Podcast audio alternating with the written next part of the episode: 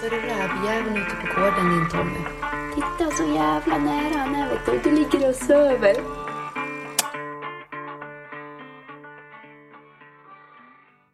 Och välkommen till ett nytt avsnitt av en podcast som har bytt namn på Rovdjursjägarna.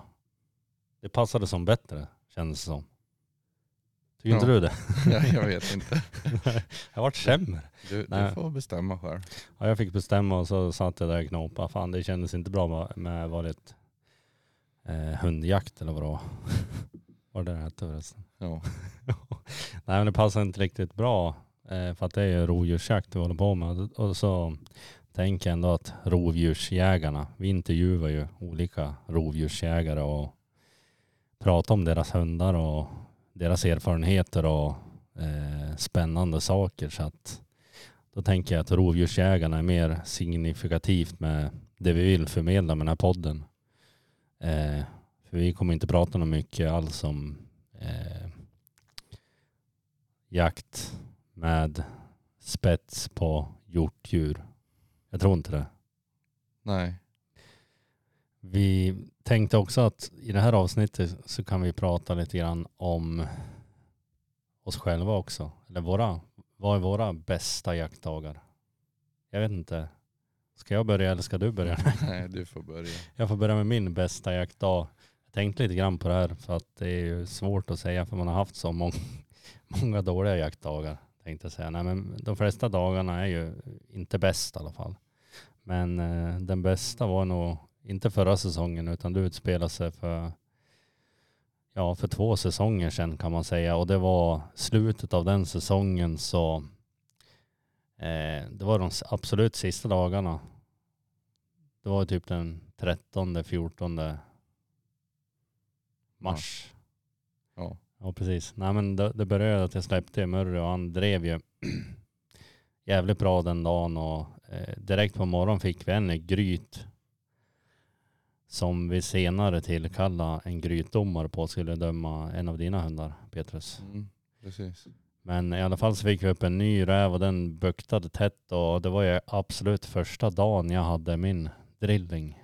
Och jag hade ju hämtat den typ på riktigt dagen innan och hade ju typ aldrig skjutit med något med så många avtryckare heller så att kändes lite Ja, det var ett litet problem för ska, det ska visa sig sen att jag får ju den här räven i pass typ tre gånger. Och ja men fan, alltså lite otur. Jag väntade. Skulle vara jävligt kyla en gång kommer jag ihåg. Den andra gången jag såg räven och väntade ut honom på vägen och precis när han skulle kliva ut på vägen. Eh, för jag hade ändå skottchans innan. Alltså det var inom hagelhåll men det var lite, eh, lite träd i vägen. Alltså jag, jag vet att jag hade kunnat skjuta så här efterhand men den var ju på väg ut på en öppen yta så jag väntade på det. Men då var han väl oråd om man kände vind om mig för att jag, eh, min, ja alltså jag var väl hyfsat skämd av träd i min bakgrund. Men i alla fall så studsade han vidare. Eller jag sköt ett kulskott på den för första gången. Eh, Och det var ju speciell känsla med man skulle vrida på massa spakar och skjuta och det gick inget bra. Nej, men sen så, det hade säkert gått fem timmar in i drev och, räven var ju väldigt trött. Och då så står jag och passar på ett annat ställe. Det, det buktar ganska tätt och, och då ser jag ju hunddomaren kommer liksom på vägen så jag riktar mitt fokus på den och ska prata med han. Men precis när, när jag, jag kollar mot det hållet där han kommer så kommer räven ut på vägen samtidigt och, och det blir ju en situation så att jag får ju liksom, den är på väg ifrån mig, räven, så jag skjuter väl, ja, med allt som fanns i bössan och han vart väl lite skadad, det vart han och eh, det, det slutar i alla fall med att domaren skjuter den här då på eh, typ drev då. Eh, för den vart ju skadad och den var ju väldigt trött och vi fick ju avsluta lidandet så fort det bara gick i alla fall. Men, och sen så, det var ju lite komiskt för han skulle ju även, han skulle ju döma ett grytprov då som sagt, men han var, är ju även en stövardomare. Så han sa fan, jag är ju ledig imorgon, ska vi inte gå ett, ett provsläpp då med Murre här? Och sagt och gjort så gjorde vi det då för att jag hade ju redan betalt ett prov som jag inte hade gått då. Och Och då fick han en etta dagen efter där på 60, jag tror jag 61 egenskapspoäng. Så det är väl en, de här två dagarna som är bland det bättre. I, ja, det tror jag är den bästa hittills i alla fall. Ja, Och sen, ja, han fick ju på råga på allt fick han ju även skjuta en mård för din han. jo precis. Så det var, det var mer än räv i det grytet. Men vi hittade bara åt mården. Ja, Så det var lite, ja han vart ju ganska nöjd domaren. Han tog inte mycket betalt i alla fall för han fick ju av både mård och räv. Så det tyckte han räckte till. Nej men Petrus, vad är din bästa jakt då? då? vilka jävla frågor. Det måste nog ha varit i fjol när jag sköt en drevräv fasta. Som hon höll på med, jag vet inte vad kan ha varit. Tre, två och en halv, tre timmar. Bökta på inom 500 meter hela tiden. Så det var ju måttligt struligt till slut. Och det kommer folk och går och man tror att nu jävlar är det kört. Men ja, jag vet inte. Du lär väl ha sett på pejlen hur det gick? Det var ju den dagen vet jag, du, du sköt ju väldigt, alltså det vart en bra film. Men Jo. minneskortet, Ja, minneskortet dog. ja. Det, det, det gav upp. det kraschade Ja. och det var ju inget dåligt minneskort. Nej, Alltså det var jävligt surt. jo, men då, ja, jag vet inte. Om det var femte, sjätte bukten så gick jag in och ställde mig på drev löpan. Och då, det är så jävla svårt när det går så pass tajt. Man vet ju inte vart räven är i förhållande till hunden. Så det är ju bara, till slut så känner man nu måste jag chansa. Även fast man står på bra pass vid övergångar. Men den vägrar ju gå ut därifrån. Så när Asta var precis hade passerat så gick jag in på löpan. Och det kan ha gått fyra, fem minuter så kommer även flåsandes. Så då vart det inget bomskott för en gångs skull. Ja. Du saluterade.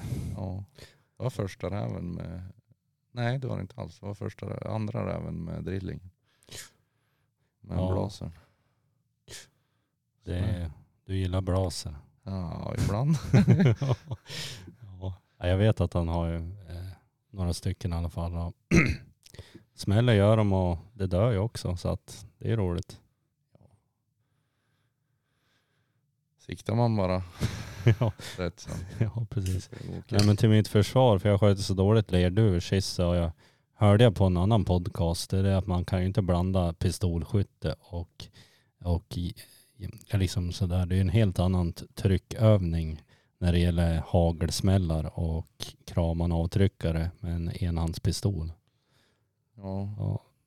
Har inte skjutit så många tvåhandspistoler eller. Nej.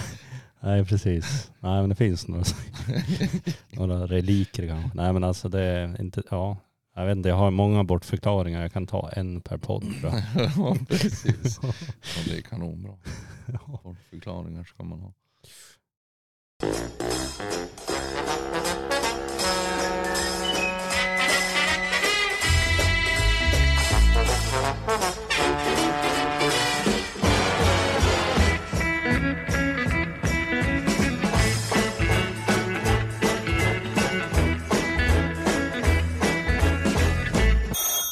Björn Lindberg, Tree Walking Conehound himself.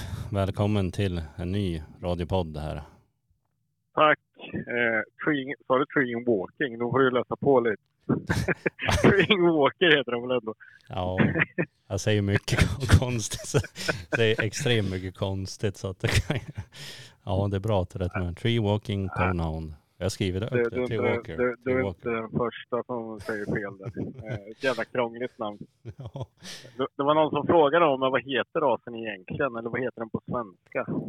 ja, precis. Eh, TWC. TWC kan man ju korta Det- ner det till om man, om man vill spara på orden. Ja, precis. Det är som enklare. Ja, precis. Eh, Det är en, en ras som Eh, jag var tvungen att kolla faktiskt häromdagen hur många individer det är registrerade och i, i dag, dagsläget så är det ju eh, 45 stycken i Sverige. Då. Så det är en, en jäkligt liten ras i Sverige eh, och eh, Norden, men eh, en större ras i USA. Ja, precis. Eh, där de härstammar ifrån då. Ja, vart härstammar de ifrån? Är det något speciellt ställe där då eller finns de större- Eh, nej, de är väl, jag vet inte exakt, men de är utspridda i hela USA. Eh, Kanada finns ju även i andra länder också, men eh, eh, där använd, används de ju flitigt eh, till ja, all typ av jakt, men framförallt till eh, rovdjursjakt. Eh, både på björn och puma och tvättbjörn och coyote och ja. Eh, så där är den ju talrik. Eh, här hemma som sagt finns det inte så många än, men det är en, en jävligt intressant ras eh, som jag tror kommer leva kvar här. Om, om vi gör jobbet rätt. Det är ju viktigt att eh, man ser till att en ras eh, växer på ett, ett sunt och bra sätt. Så det är väl eh, det jag och några andra eh, som eh, brinner för den här rasen försöker, försöker att få till då, så att vi kan bibehålla en, en jaktstark åker även i framtiden. Eh, hur kommer det sig att du valde just den här rasen då? Det var egentligen eh, en slump. Eh, jag hade eh, en, en rovdjursstövare sedan tidigare. En, eh, en blandstövare där, där Queen Walken fanns med och pappan var eh, renrasig blue till korna. Och eh, jag, eh, jag insåg väl att jag behövde en stövare till och sen av en tillfällighet så fanns det en, eh, en walkerkull eh, som var född i Sverige. Eh, en kille som heter Tommy Lindmark som hade tagit någon kull tidigare. Och eh, jag tog kontakt med honom och, och eh, fick möjlighet att, och, eh, tinga en valp där. Eh, hade ju tittat lite på rasen tidigare också men eh, ja, det var så pass nytt och så krångligt att hitta några hundar så att eh, nej, det var en tillfällighet och eh, eh ja, det, det var ju bra. Det var, det var en aha-upplevelse att få jaga med eh, en walker. Men så här, te- Teslas första, liksom, om vi säger första jaktår, här, hur gick det då? Och hur tänkte du när du liksom skulle jaga in henne? Eh, jag hade ju bara erfarenhet av den här staven jag hade tidigare. Eh, och eh, han, den staven jagade in eh, ganska mycket på grävling, vilket jag ångrar lite efteråt för att eh, jag bor ju i norra Östergötland och eh, Eh, grävlingen eh, går ju upp i, i stort sett året runt, eh, vilket gjorde att han tog väldigt mycket grävlingsslag även när man vill jaga räv. Då.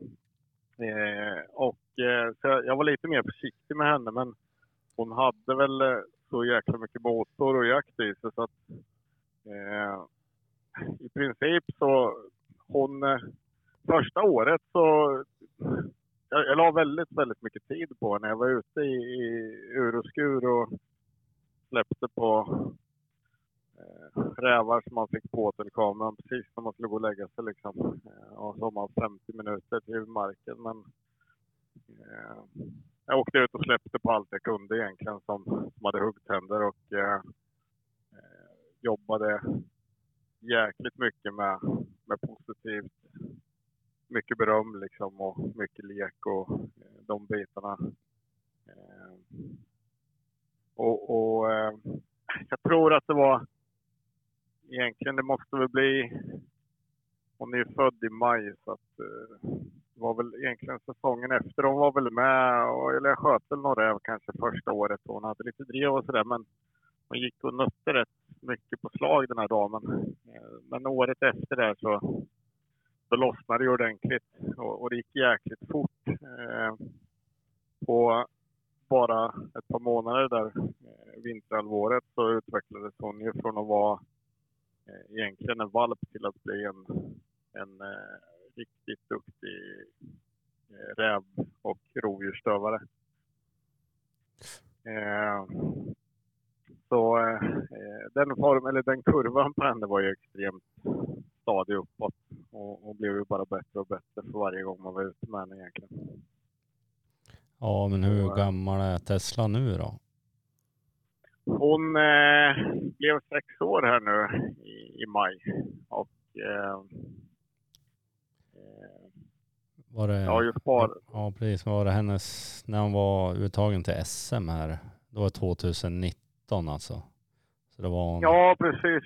Eh, nej, men det, var, det var ju så att eh, vi var några stycken som jobbade med, med rasen då för att få den eh, godkänd. Dels av SKK eh, och även jobbade med att försöka få eh, Stava klubben att ta rasansvar eh, så vi skulle kunna eh, starta dem på jaktprov.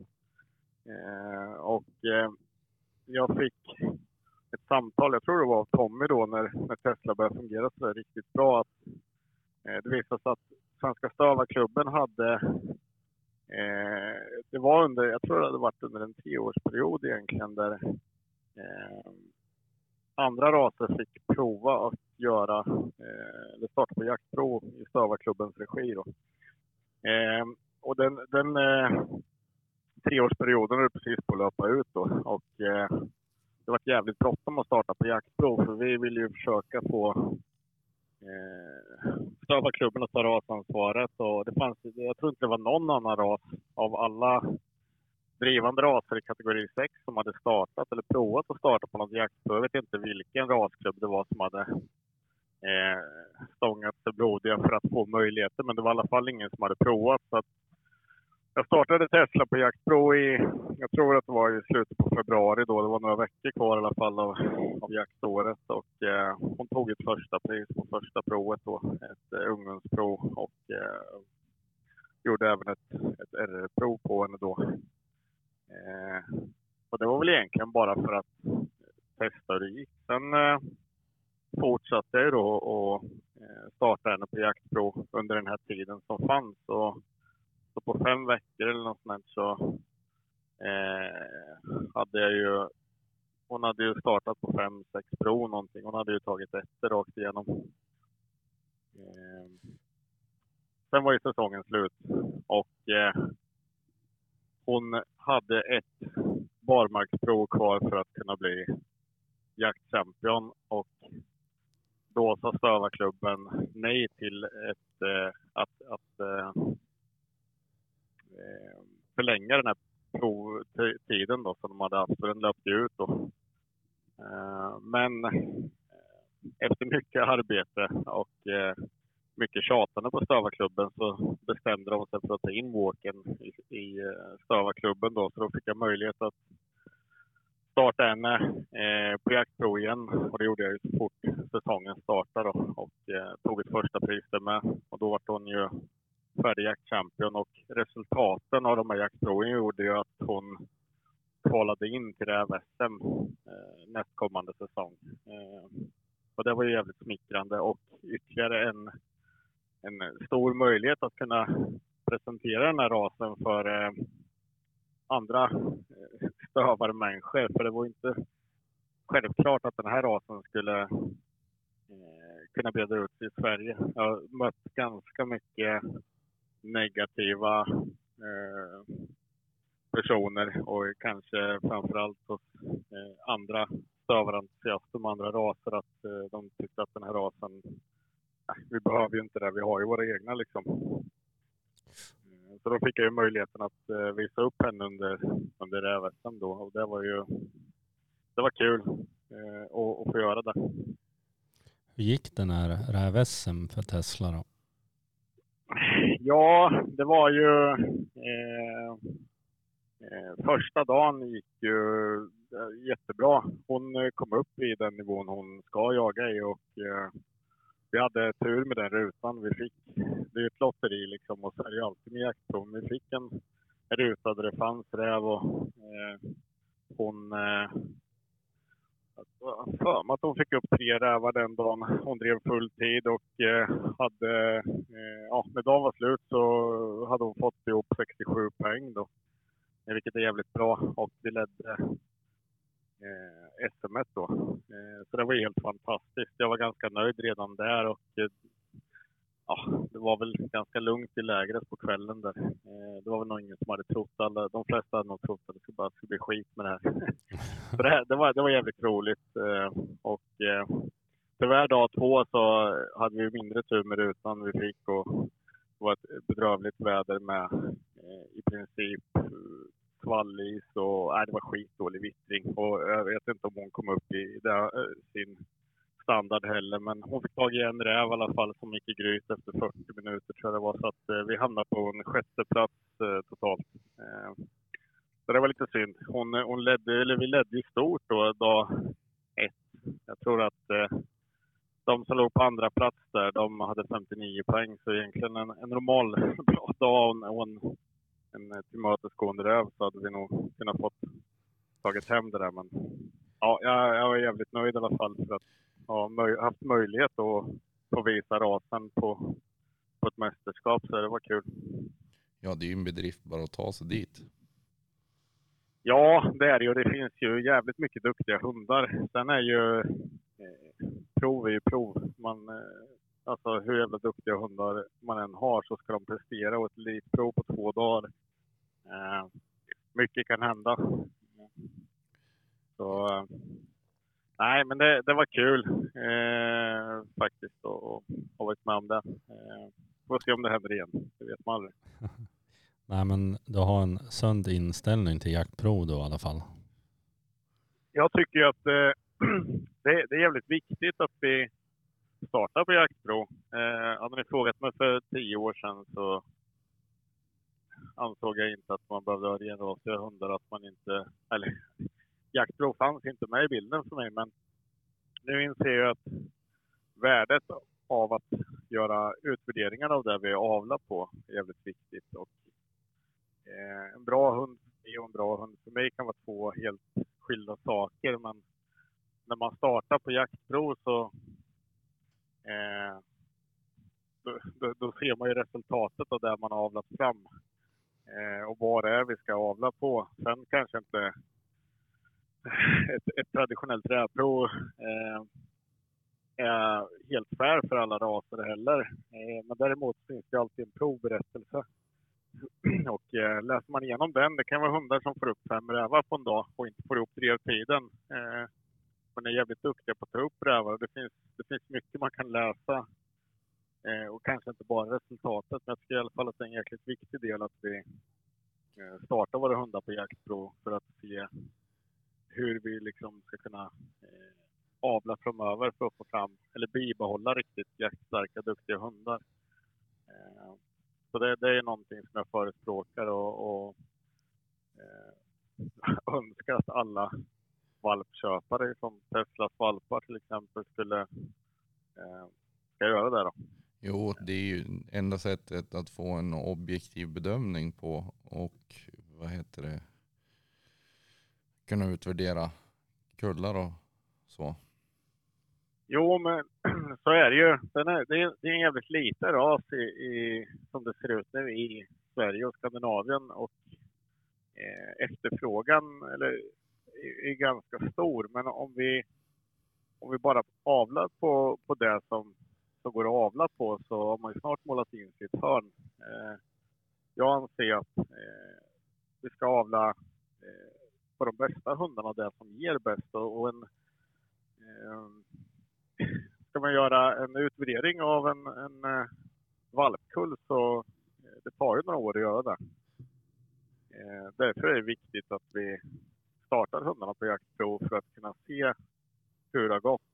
Eh, eh, vikten är ju ändå att vi ska avla på friska individer och hundar som är jaktstarka och som fungerar. För det är det det handlar om, att ha eh, roligt när vi jagar och hundar som, som kan göra jobbet. Börjar vi eh, chansa där och avla på individer som man tror kan bli bra eller har några andra synpunkter om det så Rätt vad det är så har man avlat fram en jävla massa hundar som kanske inte funkar som de ska. Eller ja. Och det, och det, då är det bättre att rasen eh, inte ökar för snabbt liksom, i antalet att man verkligen är noggrann med jobbet. Eh, problemet med, med Tring Walker är att vi har en dålig avelsbas i, i Sverige och i Norden. Norge har ju haft eh, Walken eh, ganska länge men eh, även där har det ju avlats ganska friskt och, och det finns en hel del duktiga hundar som inte har några papper. Eh, Norge har inte möjlighet att starta på jaktprov. Eh, Finland, jag har sålt några hundar till Finland och jobbar ju även med att försöka få dem att starta eh, rasklubbar och eh, börja jobba med det här för att vi ska kunna ha ett utbyte av varandra i framtiden. Så att, eh, vi har ju ett behov av att få in nya individer i Sverige för att kunna bredda aveln. Ja, precis. Så, eh, ja, Ja, men sen tror jag det är viktigt att komma ihåg också att vad heter det, det är inte en bedömning av ägaren som sker utan det är en bedömning av en jaktdag för hunden. Vissa verk, verkar tro att det är liksom, om det går dåligt idag då har jag en skithund. Hunden blir varken bättre eller sämre. Det är liksom inte så mycket att vara nervös över. Jag tycker att det är jättejobbigt med jaktprov. Jag, jag har ju, Eh, det gick så jävla bra för Tesla i början där så att eh, man la ju ribban så himla högt liksom. Jag startade den sex, sju gånger eh, på jaktprov där och, och fick bara massa första priser. Och det vet ju alla som har en stövare att det är rätt många dagar som man går och svär och tycker att livet suger när man åker hemifrån skogen. Det, det är liksom inte bara superdrev och det händer mycket skit liksom. Vilket gör att eh, jag tror att det var svårt för en del andra av eh, valpköparna att starta på jaktprov efteråt för att ingen ville bli liksom svarta fåret där och börja göra skitprov. Det är likadant själv efteråt att man har Ja, man är lite vinnarskalle liksom. Man, man vill ju bara att eh, det ska gå jävligt bra. Så det är, men eh, jag tror man lär sig det med tiden också. Eh, det, de det, flesta duktiga hundar har riktigt många plastdagar med och även dåliga prov. Så är det ju. bara kolla på alla harhundar som finns där ute. De startar, det är en helt annan kultur där. De startar ju jättemånga gånger, många av dem. Ja, jag, fan, jag har ju suttit eh, och kollat igenom lite provresultat på, på duktiga hundar, även rävhundar. Och, eh, det är ju trevligare om man kan starta hunden på några få prov och det lyckas än att man eh, är i tid och otid i skogen. Men det är ju som sagt eh, mycket som ska stämma. Eh, mycket saker som inte vi kan rå över också. Men jag startade faktiskt Embla har ju en, en, en valp efter Tesla som eh, knappt, ja, hon blir ju två år i sommar. Jag startade henne i vintras. Första provet gick ju hur bra som helst. Eh, hon fick upp räv och hon eh, fick eh, första pris och, och höga poäng och allting. Sen provdag nummer två när jag, när jag testade gick åt helvete. Hon gick ju på slag i princip hela dagen. Alltså. Utan, ja, hon fick upp en räv förresten, men jag tror att hon den gick i gryt efter mindre än 40 minuter i alla fall. Så det, det var ju skit. Men så där är det ju ofta. Men eh, vad utmärker rasen då?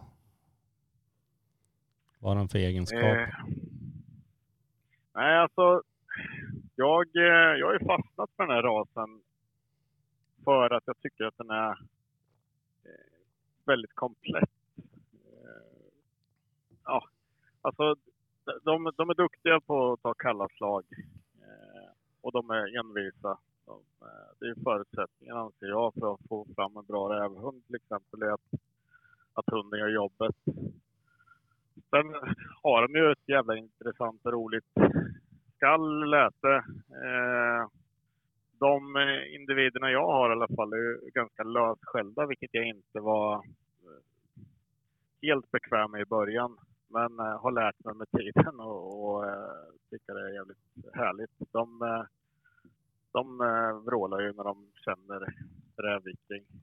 Och sen går de ju och jobbar med slag och man hör dem ju bra långt alltså.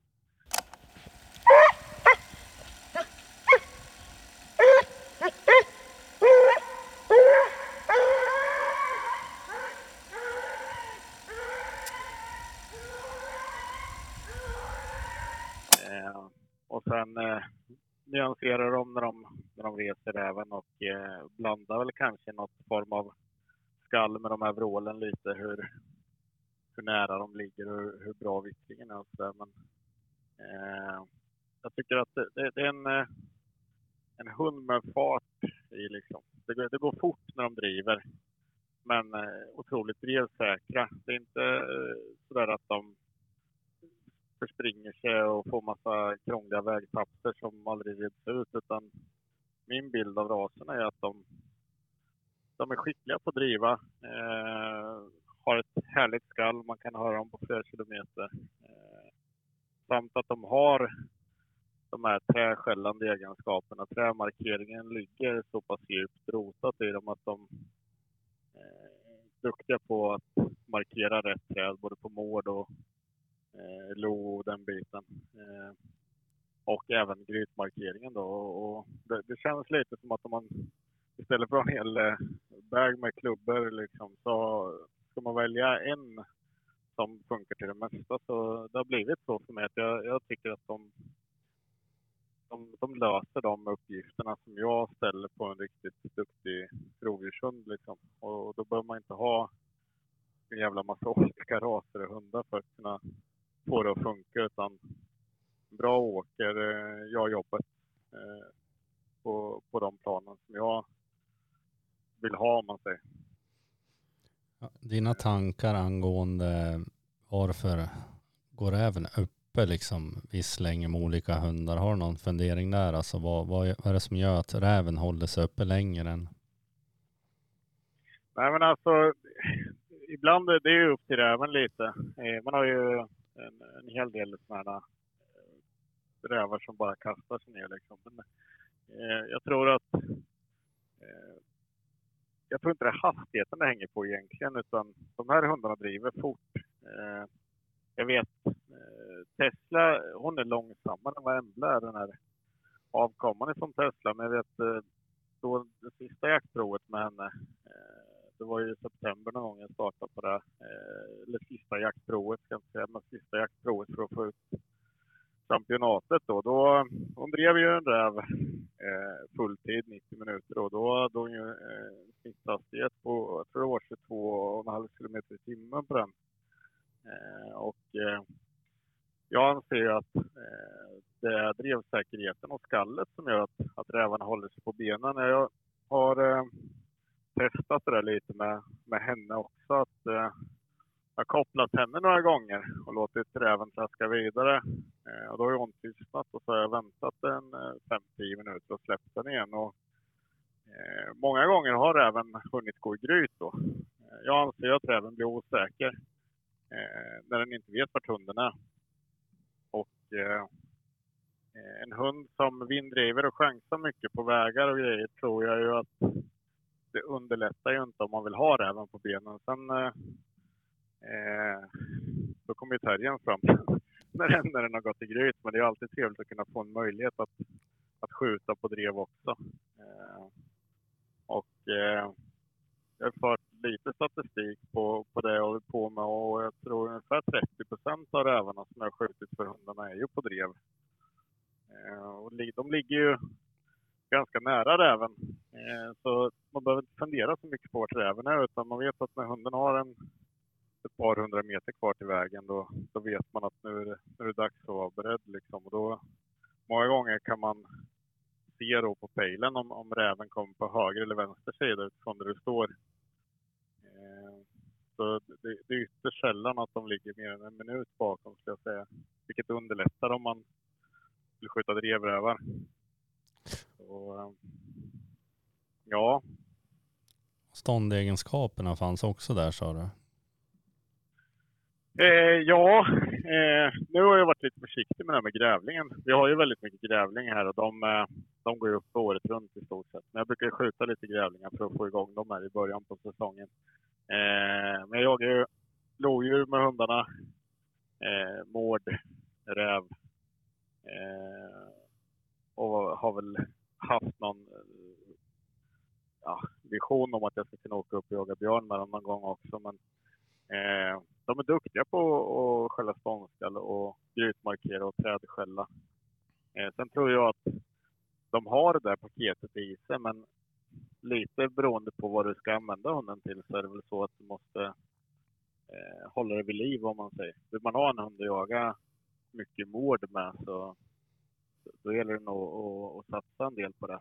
Eh, annars försvinner det kanske, men eh, de här hundarna har i alla fall haft det i sig från början. Man har sett när man har gått eller släppt dem att okej, okay, nu har de en, ett mårdslag. För helt, man ser liksom att huvudet upp i trä, trädtopparna och de tittar uppåt.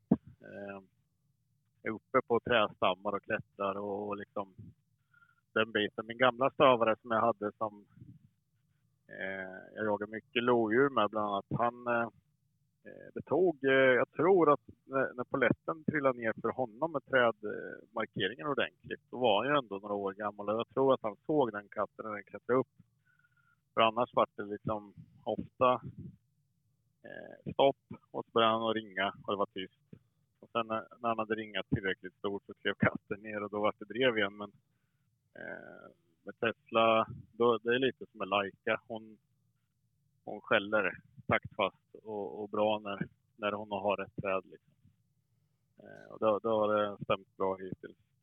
Det, och det var, du kände att det var mycket medfött också, att de hade den här trädmarkeringen med andra ord?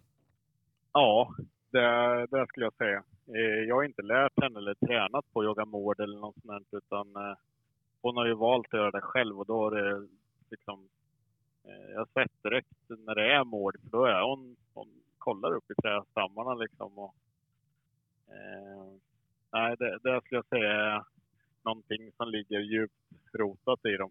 Eh, man ser ju en del filmer ifrån USA där hundarna liksom står uppe i något högt jävla trä på en gren två decimeter från en puma. Liksom. Det kanske inte är det sundaste eh, sättet att jaga om man vill bli gammal som stövare. Men eh, det, det, är någonting som ligger i dem, helt klart.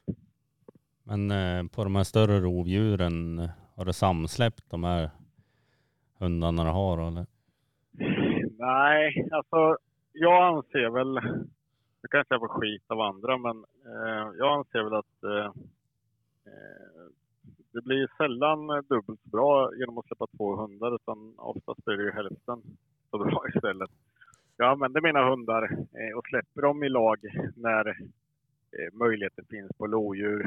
Eh, och eh, det handlar väl e-, egentligen mest om att eh, det är så få tillfällen man får chans till att eh, jaga de här stora predatorerna. Så att, eh, det är ett bra sätt för att få flera hundar att eh, få lyckas tillsammans. Eh, annars så anser jag väl inte att det blir bättre på något sätt. Eh, jag har varit uppe och provat att jaga lite björn med dem och då har jag släppt eh, Tesla ihop med någon annan hund och det har ju funkat. Men jag tror att Eh, de här hundarna är ju avlade för att packjaga på ett annat sätt. Eh, I staterna jobbar man ju helt annorlunda med hundarna än vad vi gör. Och jag tror att eh, börjar man samsläppa hundarna eh, så har man jävligt... Eh, det är stor risk i alla fall att, att de eh, vana vid det.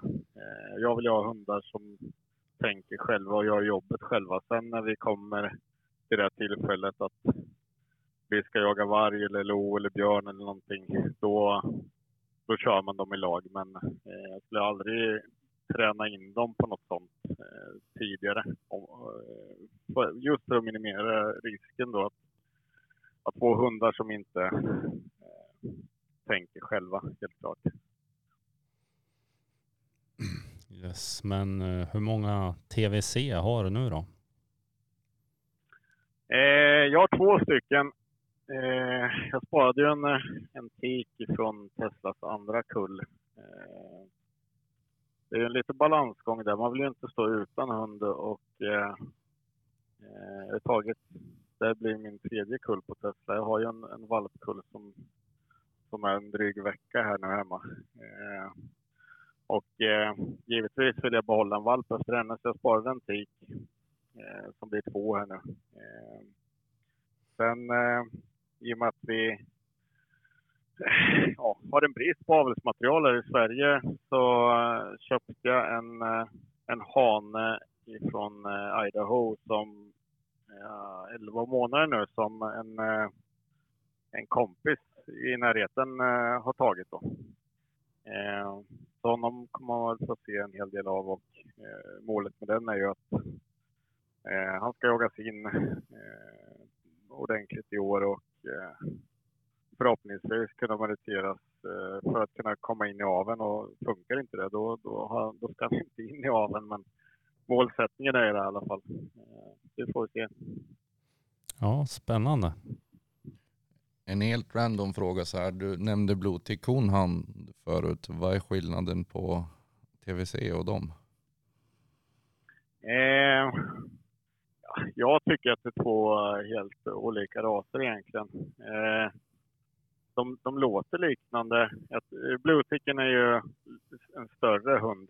Eh, mer, klumpig, om man nu ska säga, kroppshyddan. En walker kanske nästan är svår att hålla i vikt när de, när de jagar mycket. Lite mer greyhound-aktig. Eh, sen eh, det kunde ha blivit en, en bluetick för mig med egentligen. Eh, jag hade ju min eh, blandstövare där, där pappan var ren ras i bluetick och eh, jag tror att de är, de är de sköna individer liksom. Men i Sverige har ju tyvärr tycker jag eh, blueticken halkat över i klövdjursträsket liksom. Eh, används eh, till vildsvin och används till lite allt möjligt och, och eh, där, det, det finns en del individer som jagar björn och, och som jagar räv med så här. Några är riktigt duktiga faktiskt men eh, jag skulle säga att det är en långsammare hund eh, generellt sett. Eh, eh, näsan har, har nog de flesta, liksom, att de tar äldre slag och, och jobbar upp, eh, eller liksom jobbar, jobbar sig till målet. Men eh,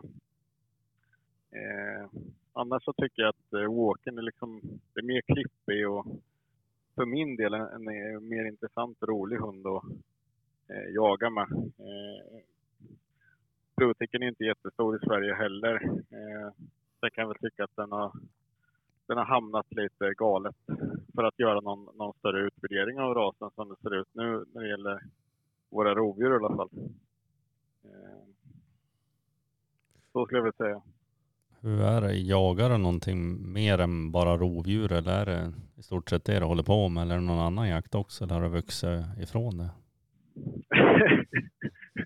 ja, alltså när man var yngre så jagade man ju allt så fort det fanns någonting liksom. Men eh, nej, för min del just nu så är det ju, det, det ska vara en hund eh, involverad, annars är det helt ointressant. Men eh, eh jag har ju två tyska jaktterrier också som definitivt är för eh, skarpa och, och stora för att ha i gryt. Så att, eh, jag jagar klövvilt med dem. Eh, så jag brukar lägga en, en dag eh, per helg ungefär eh, och jaga klövvilt med dem. Eh, det är ju, jag bor ju i Östergötland och det är ju ett, ett klövviltsmecka. Eh, så man är ganska själv att hålla på med den här typen av predatorjakt med stövar och terriers här. Så att, eh, eh, jag, jag är med på en fin mark på Bevens bruk med mycket, mycket dov och eh, vildsvin. Så jag kör, eh, jag kör eh, klöv med dem.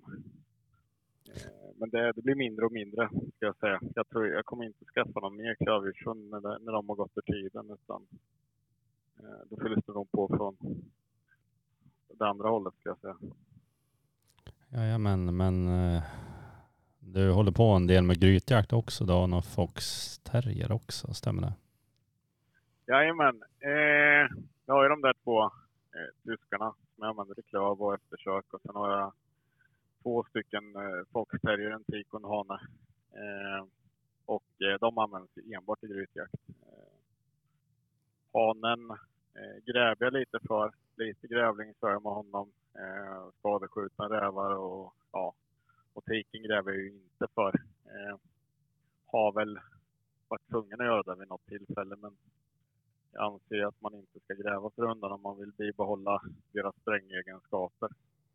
Eh, eh, har en, eller hon ska faktiskt ha valpar där vilken dag som helst. Jag ska behålla en, en valp efter henne med här för att Bruce, min hane, han börjar bli till åren och eh, jag vill ju ha en hund jag kan gräva för och en som bara används som strängare. Så därför har jag tänkt då. Eh, därför tog jag den här kullen för att säkra upp en, en valp efter de två egentligen. Hur kom eh, liksom valet av ras där då? Eh, jag hade en eh, tysk faktiskt som jag, jag, eh, jag tog över. Jag hade en kompis uppe i Dalarna som tyvärr omkom i en trafikolycka och eh, eh jag köpte den tiken av, av eh, hans fru och eh, den, eh, det, det kanske är den bästa eh, rävhund, eller både ja, grythund jag har haft egentligen. Hon var eh, den här gamla standarden, eh, lågställd, lite... Nej, det var, det var en jävla anamma i den hunden. Eh, vart aldrig skadad. Eh, det spelar ingen roll om jag grävde för henne, hon löste det ju. Eh, hon sprängde och hon var förliggande när jag tyckte det nästan. Det lät, lät för bra för att vara sant, men det var, det var lite så. Men hon, eh, hon omkom eh, också i ett gryt faktiskt. Hon drunknade i ett gryt tyvärr. Eh, och då var det lite brått att få tag på en ny terrier. Så jag drog ut en blänkare på några sociala medier och då fick jag möjlighet att ta över den här Bruce eh, som var en foxterrier. Och eh, han har ju varit en, en jävla duktig hund alltså. Och förbannat trevliga. Det, det är lite mindre, jag ska inte säga att motorn är mindre än i tysken, men det är i alla fall en hund som man behöver inte åka in och, och lappa ihop dem så ofta. Det, är- det är liksom en, en lagom, lagom dos för att göra jobbet. Eh, sen är de ju jävligt härliga här hemma också. De, ja, det är ju hundarna lösa här hemma. Jag bor ju mitt ute i skogen och de, de biter väl ihjäl någon orm och står och gräver lite sork och sådär, men det är ju inte, de, de försvinner liksom inte. De, jag kan ha dem löst till, till och det också. Och de, eh, nej, det är underjord som gäller för dem. Liksom. Det finns ingenting annat. Eh, nej, jag, jag gillar rasen. Alltså. Favoritjakten då? Är det en dag med både och då eller kanske? Först en TVC och sen en terrier som fungerar? Ja, så är det ju. Jag har faktiskt inte, eller jag för mig är det inte så intressant att åka ut och mörda rävar liksom eh, med terriers, utan jag vill gärna att en stövare ska ligga, eh, ha gjort grovjobbet. Sen eh, lite grävling och sådär eh, kör jag ju eh, med Bruce då. Eh, men annars så är det ju egentligen en stövare som eh, ska till innan terriern tas fram. Så har de en jävla otur terrierna så står man ju rätt där många gånger. Jo. då, då är de arbetslösa. Nej då, men eh, de får ju en hel del att göra givetvis. Eh, men eh, jag är inte så att jag åker ut och eh, köttar ner en massa terriers i varenda gryta. Det, eh, jag tycker nog att eh, en stövare ska vara med i bilden. Från början i alla fall. Yes, men eh, har du funderat på vilken din bästa jaktdag är?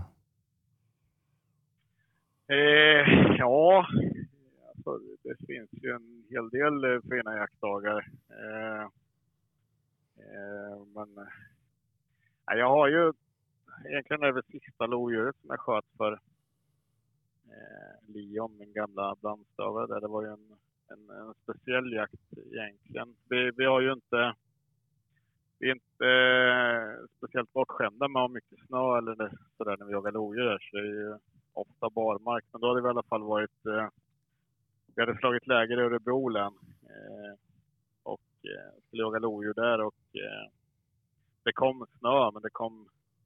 Det började snöa så jävla sent egentligen. Så att, eh, vi hade inte någon större nytta av den snön utan det, det kräk snö hela natten. Men eh, eh, vi, vi hittade inga spår helt enkelt. Och, eh, det var första året som det var eh, lagligt, eller de hade licensjakt eh, på, på lo i Östergötland och då ringde telefonen och de, det var någon som trodde sig ha sett ett spår på en väg ganska, ja om det var sent på kvällen eller om det var tidigt på, ja det var i alla fall bra gammalt. Vi hade egentligen ingenting annat att gå på så vi åkte ju ner mot det där och då vet jag att det eh, regnade så in i helvete och det var, det hade slagit om och blivit riktigt, riktigt kallt så att det var här svallis på vägarna så det tog en vindlig tid innan vi kom dit och när vi kom fram så var det barmark och bara glansis överallt. Eh, men eh, de, de var ju ett tappert gäng där som hade samlat ihop sig så det kändes väl nästan som att man var tvingad att slänga ut en hund där i området i alla fall för att se vad som hände. Eh, så jag, jag slängde ut Leon där och jag vet att vi gick, vi var några stycken som gick på en väg i, i det området där han hade sett spåret i alla fall och gick och snicksnackade lite och, och folk pratade om vad skit som helst. Men jag hade ju lite fokus på pejlen för att se vad han höll på med i alla fall. Och jag tror ungefär samtidigt som jag sa att om man börjar skälla, för han var väldigt hårdskälld den här stövaren, så då, då ska vi nog vara med och då kom ett sånt här avgrundsvrål alla Coonhound. Eh, från, jag vet inte, 500-600 meter bort kanske var det. Vart det hårt i byxan då eller? ja, löst och hårt från varje håll. Nej, jag vet inte, men det, det som hände var att man insåg att ingen av oss hade något vapen med oss överhuvudtaget. Vi, vi stod ett par hundra meter ifrån bilarna och liksom, det var ingen som trodde på att klockan var ju 10-11 på förmiddagen och han hade sett spåret 11 på kvällen eller något. Det, var, det, det, det, liksom, det fanns ju inte en möjlighet att han skulle lösa det där egentligen. Men eh, jag kommer ihåg att jag sprang som jävla mycket jag orkade bara.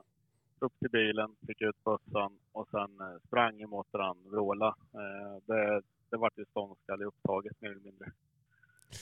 Och när jag kommer ner där då står han ju med en stor katt eh, som han hade liksom baxat upp eh, mot en, en, eh, ganska bred å där. Eh, och det var, det var ju något översvämmat parti. Massa, eh, jag vet inte vad det var, men det var, det var blött, jävligt blött. Mer eller mindre vattenspegel över hela området. Och, eh, jag stod och siktade på den där katten ett tag, men jag hade ju Leon i kikaren med, så jag var tvungen att få honom på något sätt att gå bort. Och det var ungefär som att han fattade. Så att, eh, efter en liten stund så tog han något kliv åt sidan i alla fall, så jag fick fritt skottfält och, och knäppa till den där. Och, eh, nej, det var en jäkla känsla i alla fall. Eh, en stor eh, katt var det. Den vägde, eh, tror, vad var det, 26, 25,8 tror jag den vägde.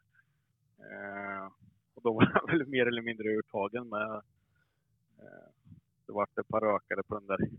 Mm. Men eh, nej, det, det är ett sånt där minne. Det var sista katten jag fick skjuta för honom också. Det var några till för det här året, men det var i alla fall sista jag fick eh, skjuta för honom. Så Ja, det är väl en speciell jakt också, kan jag tycka.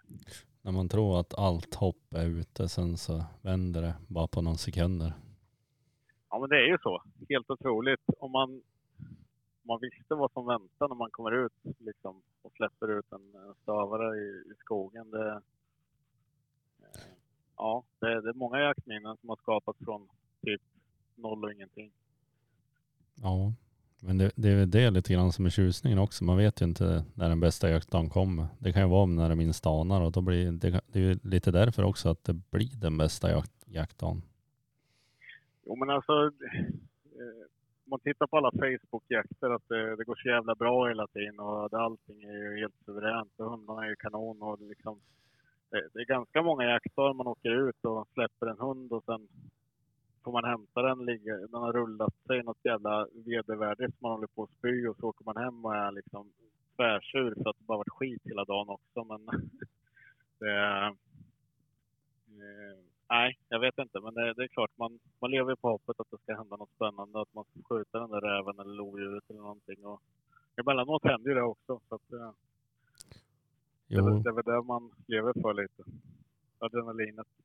Jo, det kan ju vara bra att tänka på för alla som är ny med hundar också. Att det är inte riktigt som det ser ut på Facebook. Att det bara är guld och gröna skogar och går jättebra. Utan oftast så går det tvärtom. Jo, men så är det ju. Det är på något sätt med de här stövarna i alla fall.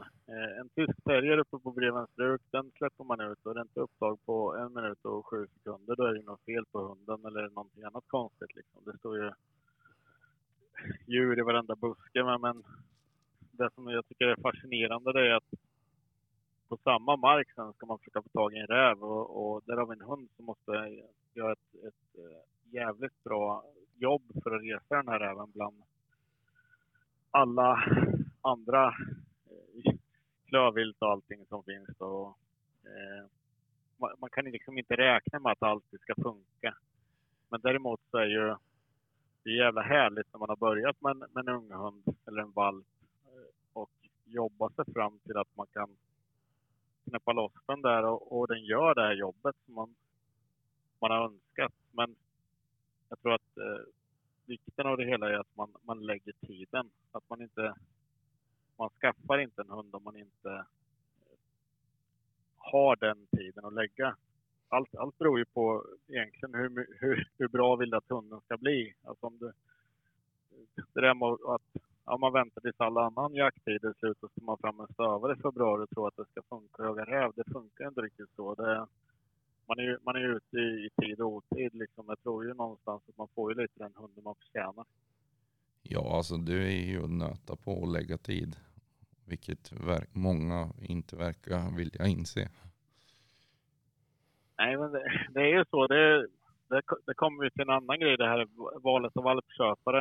Eh, jag tycker att det är fruktansvärt svårt egentligen att, att välja ut vilka som ska ha en valp. Liksom. För många gånger, det är ingen som går på en anställningsintervju och säger att man, man knarkar och har svårt att, att komma upp på morgonen. Liksom. Då får man inget jobb. Och det är likadant med, med valpköpare.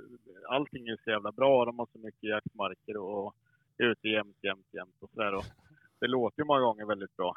Eh, och eh, där tror jag ju alla uppfödare av stövare har ju Eh, det är svårt alltså. Eh, man vill ju att det ska bli så bra som möjligt eh, för just den här individen, att den ska få all tid i världen och allting. Men eh, ja, det är, det är som sagt tid i skogen som gäller eh, om man ska få fram bra hundar. Det, det anser jag i alla fall. Det, det går inte annars. Jo, man kan ju tappa vad heter det, Eh, besinningen lite när man frågar hur har det gått med hunden. Nej, jag har inte hunnit så mycket för jag, man måste sitta på älgpass också. ja, det, det, är väl det första jag frågar. Har ni älghundar? Och eh, i det läget så hamnar man längst ner på listan eller kanske utanför. Eh, eh, sen är det ju, alltså det, om man tittar på det, det har ju varit intressant att följa de här valparna efter Tesla. De är utspridda lite strategiskt, ska jag väl säga. Eh, en del har hamnat i, i mittbältet där. Eh, får möjlighet att jaga björn och varg och katt och järv och allt vad det nu kan vara.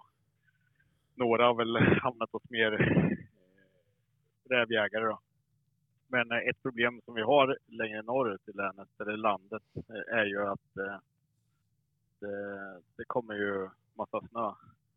Och har man en ung hund och det, det ramlar ner en och en halv meter snö i december och det gör det ett par år i rad, liksom, då har man ju inte... Den hunden får ju betydligt mycket mindre möjlighet och tid i skogen på grund av föret. Eh, lägger man då till att det ska finnas eh, intresse för älgjakt till exempel, som är i princip samma jakttid, så då, då känns det inte som att den hunden hamnar rätt. Eh, sen finns det ju skitmycket duktiga hundar norrut. Det är inget att snacka om. Liksom stavare som smiskar skit med det mesta. Men eh, jag har blivit lite försiktig med att sälja valpar långt norrut på grund av snöläget faktiskt. Ja, det är en intressant tanke. Jag tänkte precis fråga liksom vart finns några hundar norrut? Det finns färre med andra ord. Ja, det finns färre. Nej, men i början så första kullen jag tog på Tesla, den, eh, det var ju lite sådär, det var så jävla speciellt för att eh, det fanns ingenting att avla på i Sverige eller Norden eller någonting. Och eh, det hade ju varit ett tjänstefel att inte tagit en kull på henne. Hon eh, var ju hon var dubbelchampion, de var drygt två år och liksom det, allting funkar så bra med den där tiken. Och, eh, då, då, kände jag att jag måste göra något. Så jag började ju och leta som fan eh, i USA. Eh, tog kontakt med hiskligt mycket med uppfödare där och eh, till slut så fick jag tag på en kille som, egentligen så var det väl många som tipsade om, om, eh, om Ryan heter han. Eh, att han hade han, var, han var seriösare, duktiga hundar och efter mycket kontakt med honom där så bestämde vi att jag skulle få eh, importera sperma från hans eh, duktiga hane där. Eh, så jag kunde seminera Tesla och eh, det var ju en jävla satsning och fruktansvärt krångel och pappersarbete och veterinärer och eh, ja, gud alltså. Det, det höll på att gå åt helvete alltihop. Men hon eh, fick ju en, en eh, fin valpkull där och då, då var man ju väldigt sådär...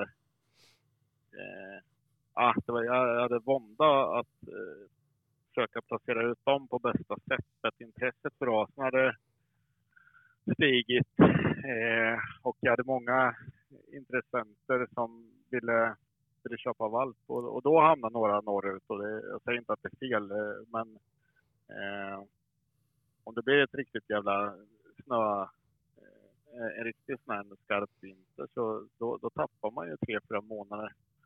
Eh, och det, det kan jag känna kan vara skillnaden mellan att få igång hunden eh, och inte få det liksom.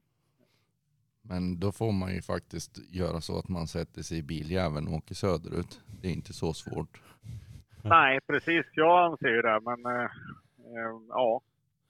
Eh, nej, men jag har haft eh, lite diskussioner även den här valpkullen som jag har nu. Då. Det har varit en del men, norrut med och en del som man pratar med säger ju att nej men fan, de inser själva kanske att de kanske inte har den tiden. Eller kan ge den här hunden så mycket eh, ifall det, det blir skit liksom med det här föret. Även på finska sidan har vi sålt några valpar. De har också haft det här problemet. Då. Eh, här nere har vi ingen snö alls istället. Så det är väl ett problem också om man ska jaga in en hund. Man kan inte gå och vänta på att det ska bli spårsnö utan hunden måste ju ut liksom. Så är det. Jo, det är något man upplever när man kommer norrifrån. Problemet är ju alla andra jävla djur som finns. ja, här är ju jag skulle nog säga att vi har en fördel egentligen med att jaga in våra hundar här för att det är så jävla mycket klövvilt. Alltså, doven är ju ordentligt utbredd här. Vi har ju även rådjur, vildsvin, älg, kron. Allt finns ju här liksom. Och, eh, jag tror att rävarna är ganska få om man jämför med populationen av, av klöv. Men hundarna blir ju exponerade för, för klövvilt hela tiden. Eh, och jag vet eh, när jag jagade in Tesla i början där, jag la ju extremt mycket tid på henne, men då när hon hade ett slag så kunde jag liksom smyga med för att se lite vad hon höll på med och korrigera om det var något galet. Men eh, jag skulle nog säga att rasen som sådan är väldigt klövmild. Och Eh, jag har inte haft problem med någon av hundarna egentligen, att de har haft något klövdjursintresse. De har ju stuckit efter någon dovhjort någon gång givetvis, men det har ju varit några hundra meter eller man hör när, när det liksom är fel. Det är inte den där entusiastiska vrålandet utan mer än något annat läte. Som man, det, det har inte varit några problem att korrigera bort det i alla fall. Eh, jag tror det är värre om man jagar in en hund uppe i Norrbotten och så kommer man ner hit. Eh, då tror jag ju att eh, det blir bekymmer. Och jag, jag märker det. Jag har ju kompisar norrifrån, bland annat Bengt, som har hanen till den här kullen och eh, den andra kullen som vi har tagit. Eh, han åker ner dit och tränar ganska mycket, eller när han får tid. Och det är jävligt nyttigt för hundarna. Även om de inte jagar klöv så är det väldigt besvärligt för dem när det är så mycket andra dofter. Jo, sortera. Och hålla ett slag. Ja. Eh, vi har ju, jag har en, en plotthund också som, det vågar man ju knappt säga, men eh, jag har en plotthund ihop med en kompis som vi köpte för en jävla massa år sedan. Som, eh, när vi fick hem den så, han jagade ju inte klav. Eh, men han, fy fan det var ju tråkigare än att titta på färg som torkade och släppa för att det var ju slagarbeten som hålla på för fan ett dygn. Han, han liksom kom ju ingen vart på grund av att han skulle sortera bort allting annat. Det var liksom pastatallrikar som vi kallat liksom. Runt, runt, runt, runt. Man kunde släppa honom på en grävling, synobs i spannmålen liksom som vad fan den där grävlingen hade ju nästan gått i vinterdvala innan han var framme vid det där gruset efteråt. ja, ja. det, det, men han, han lärde sig med tiden att bli mycket bättre och säkrare på det där. Han är en, en, en grymt bra eh, upptagare ska jag säga. Han är ingen vidare på att driva. Han är väldigt hårdskälld och han är är en jävla skön hund. Man släpper honom så kan man lägga sig i bilen och sova några timmar. Så står han vid ett gryt eller vid ett träd eller någonting. Händer ju i alla fall. det är i alla fall... Eh, ah, det, det, är inte riktigt min melodi. Jag, jag behöver att någonting händer när man jagar Honom. Så, uh. Ja. Men eh, vad ska vi säga något mer då? Du hade någon drömjakt i Sönne här. Vad var det för något? Någon ja, jaktmässa? Precis. Nej, men, eh, jag tänkte om man orkar böska med och lyssna på en sån här jaktpodd, då måste man ju vara lite, lite nördig i rov och rävjakt och sådär. Eh, Sunne arrangerar ju en jaktmässa eh, Eh, som i år heter Drömjakt Sunne och där eh, om man vill träffa mig och eh, tjata skit och, och, lyssna på mer tugg så tycker jag man ska komma dit. Eh, och på fredagen är det väl eh, i alla fall bestämt. Jag tror inte egentligen att eh, de har lagt upp exakt allt som kommer att ske. Men 5 augusti vet jag i alla fall, då kommer jag och Rasmus Boström stå på någon scen där och tugga om, om Eh, räv och rovdjursjakt. Eh, och eh, jag har möjligheten att fixa lite biljetter till det här så att om det är någon som är intresserad så får väl ni styra upp någonting, hur det nu går till, någon utlottning eller tävling eller någonting och, och så hoppas jag att är man intresserad av räv och rovdjursjakt så kommer man dit och lyssnar när vi snackar skit. Jag tror nog, jag tror nog att många skulle vara intresserade av det och det är väl en stor satsning de jag gör på den här Sönne jaktmässan, drömjakt och det är väl bland den största i Sverige vad jag kan förstå. Jaktmässa så att ja det blir en intressant, man kan göra en utlottning tänker jag och lägga upp det på Nordlanders jakt eh, Instagram och då får ni följa Hunting with Conehounds och mig och tagga tre kompisar bara på den bilden jag kommer lägga upp som det står lite information om det här så får ni vara med och tävla om biljetter till den här mässan så ni kan höra på Rasmus Boström och dig då Björn och Peter Ekeström eh, Peter, ja, kommer jag att finger med i spelet. Men, äh, Han håller i taktpinnen kanske? Ja, det är väl så. Det, vi kör på volley som han sa. Nej, men vi, det är nog inga problem. Eh, nej, men det, jag tror det kommer bli kul. Eh, Peter är också en jävla klippa när det gäller hundar och jakt. Och, eh, nej, men det, det, kommer bli roligt. Det kommer bli en jävla bra jaktmässa och det finns ju massa annat, eh, andra profiler och folk att dividera med där och, och träffas. Och, men eh, som sagt, eh, jag hoppas att eh, folk tycker att det är intressant och kommer dit och tittar och lyssnar. Oh, yes, yes. Men du har ingen som det skulle kunna tänkas vore bra för att främja rovdjursjakt med hund i Sverige och ha med den här på podden? Har någon intressant?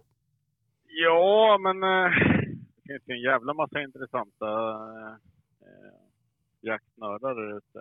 Äh, Daniel Lång är ju en, en jävla bra typ som håller på med de här, vad heter de där eh, rådjursstövarna. Finska stövare. ja, ja. Nej, men han har, han har jävligt duktiga hundar och, och eh, jag har inte träffat honom, men jag pratat med honom några gånger. Och han är, jag tycker han kan vara en bra... Eh, han, är, han, han, har gjort mycket bra för den rasen. Eh, så det skulle kunna vara en idé. Ja, men det var intressant eh, allt du har haft att säga. Du, du vill inte liksom ha något sista ord här för att jag tänker att vi ska avrunda snart för att det har gått en och en halv timme nästan. Eh, nej, jag, jag, vet faktiskt inte. Eh, har folk frågor om rasen eh, och är intresserade så eh, jag ska väl försöka få tiden att redigera lite filmer. Vi hade ett eh, ett projekt, eh, eller tanken var i alla fall att vi ska ha ett projekt där, där, vi, där vi följde eh, Teslas sista kull där, första jaktåret. Eh, och det, det, låter ju alltid bra och alla ska ju filma och alla ska hålla på och sådär. Men eh, det kanske inte föll sig lika väl ut så att alla gjorde jobbet men jag och någon mer i alla fall har väl dokumenterat det här första jaktåret egentligen. Eh, eh, jag trodde väl kanske att det skulle bli halvtråkigt. Men eh, de, eh, de har ändå varit så pass tidiga i jakten och det har fungerat hyggligt bra. Så att eh, det har blivit en hel del material i alla fall. Och planen är väl att försöka redigera ihop det där och visa det på något sätt framöver. Ambitionen är väl att kunna få ut det under den här jaktsäsongen som kommer här nu då. Det, det hör ju av sig en del med frågor om rasen och, och jag tror att det, det kan vara intressant eh, för att se och höra och ja, förstå lite hur, hur man själv tänker och hur rasen fungerar och, och, och följa lite under det första året som de har gjort i alla fall. Då. Så att, eh, eh ja, men vi tror ju i stort sett ska avrunda snart. Men eh, det vore väldigt intressant om vi kunde återkomma till dig någonting på slutet av säsongen och prata lite grann hur det har gått och dina tankar om livet. Varför det har gått så jävla bra eller dåligt. ja, ja, ja, absolut. Ja, men nu är man ju på liksom, nu är man ju taggad där. Ja, Eh, ja precis. Om bara den här jävla värmen lägger sig och, och sommaren går fort så vi kan komma igång här. Så får vi se om, om, man, är, om man är glad eller ledsen när vi hörs nästa gång. Ja, precis. Nej, jag tänkte också att jag har bytt namn på podden nu för man är så impulsiv, OSV. Nej men nu heter ju Rovdjursjägarna. Det känns ju mer passande. Ja, det är rätt fränt. Ja, det lät ja, jä- jättefränt så att det är därför jag, jag sitter med solglasögon nu inomhus. Ja, åh för fan, det är hårt är det. Åh fan, rovdjursägarna, ja. Ja men det kändes lite bättre för att det är lite mer riktat kanske mot det vi vill framföra i podden också. Att det intervjuas rovdjursjägarna. Fast det, det finns ju en sak som är väldigt viktigt, det är att de jagar med hund. Det får inte vara något åt eller missbruk eller sånt. Nej, nej fy fan. Nej, det går inte. Nej, man är ju nästan blödig här liksom. Eh, fan. Det, det, det, faktum är att jag kanske är helt dum i huvudet, men jag är ju, eh, arrenderar ju den här marken på Brevens bruk och där är det tvär nej att skjuta räv för annat än stövare. Jag har haft såna här gäster liksom som, va? Får vi inte skjuta räv? Nej, givetvis inte. Vill ni skjuta räv, då är det ju när hundarna jagar liksom. Då får ni komma med då, men Det är nästan så, Eh. ja kommer en bergvägg eller kör, kör på en räv med bilen så väljer man ju bergväggen nästan. Ja, jo men så är det ju. Nej, men faktum är så för att få fram bra hundar så, så krävs det även att eh, ha några rävar på marken. Och, eh, nej, men alla har accepterat det. Jag, jag tycker det, det är schysst liksom. Jag skulle ju aldrig gå ut och knäppa ner en massa rådjur för någon som har en tax i jaktlaget. Och när, när man liksom formulerar det på rätt sätt och vänder på det, då förstår ju de också. Så att, eh, det är liksom en sån här tyst överenskommelse.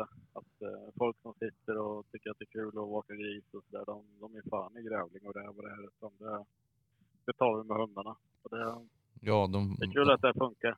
de får sig en omgång ändå. Jo men så är det ju.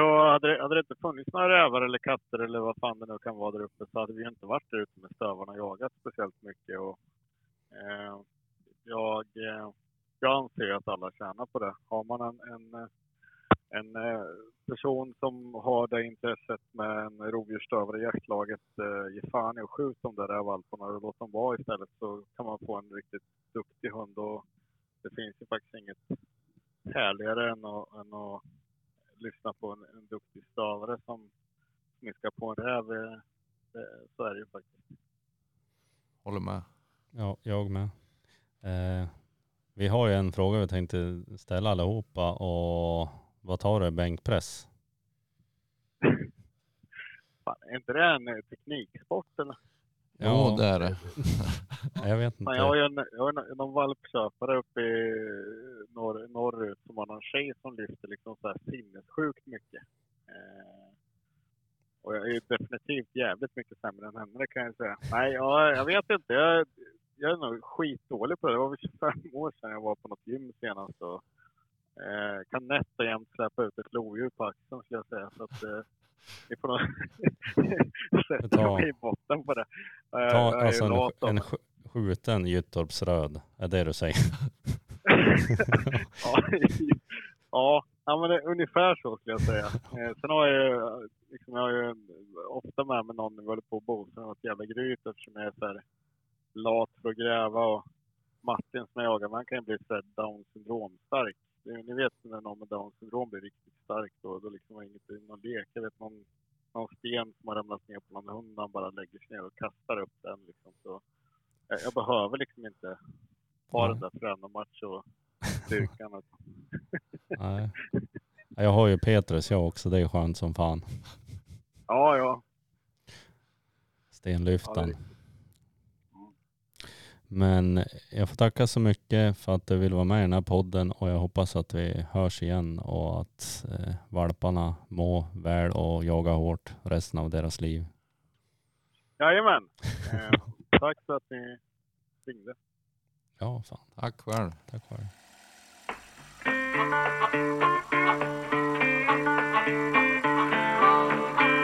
Du skriver till för att prata med Petrus. Jag du jagar och jagar. Du jagar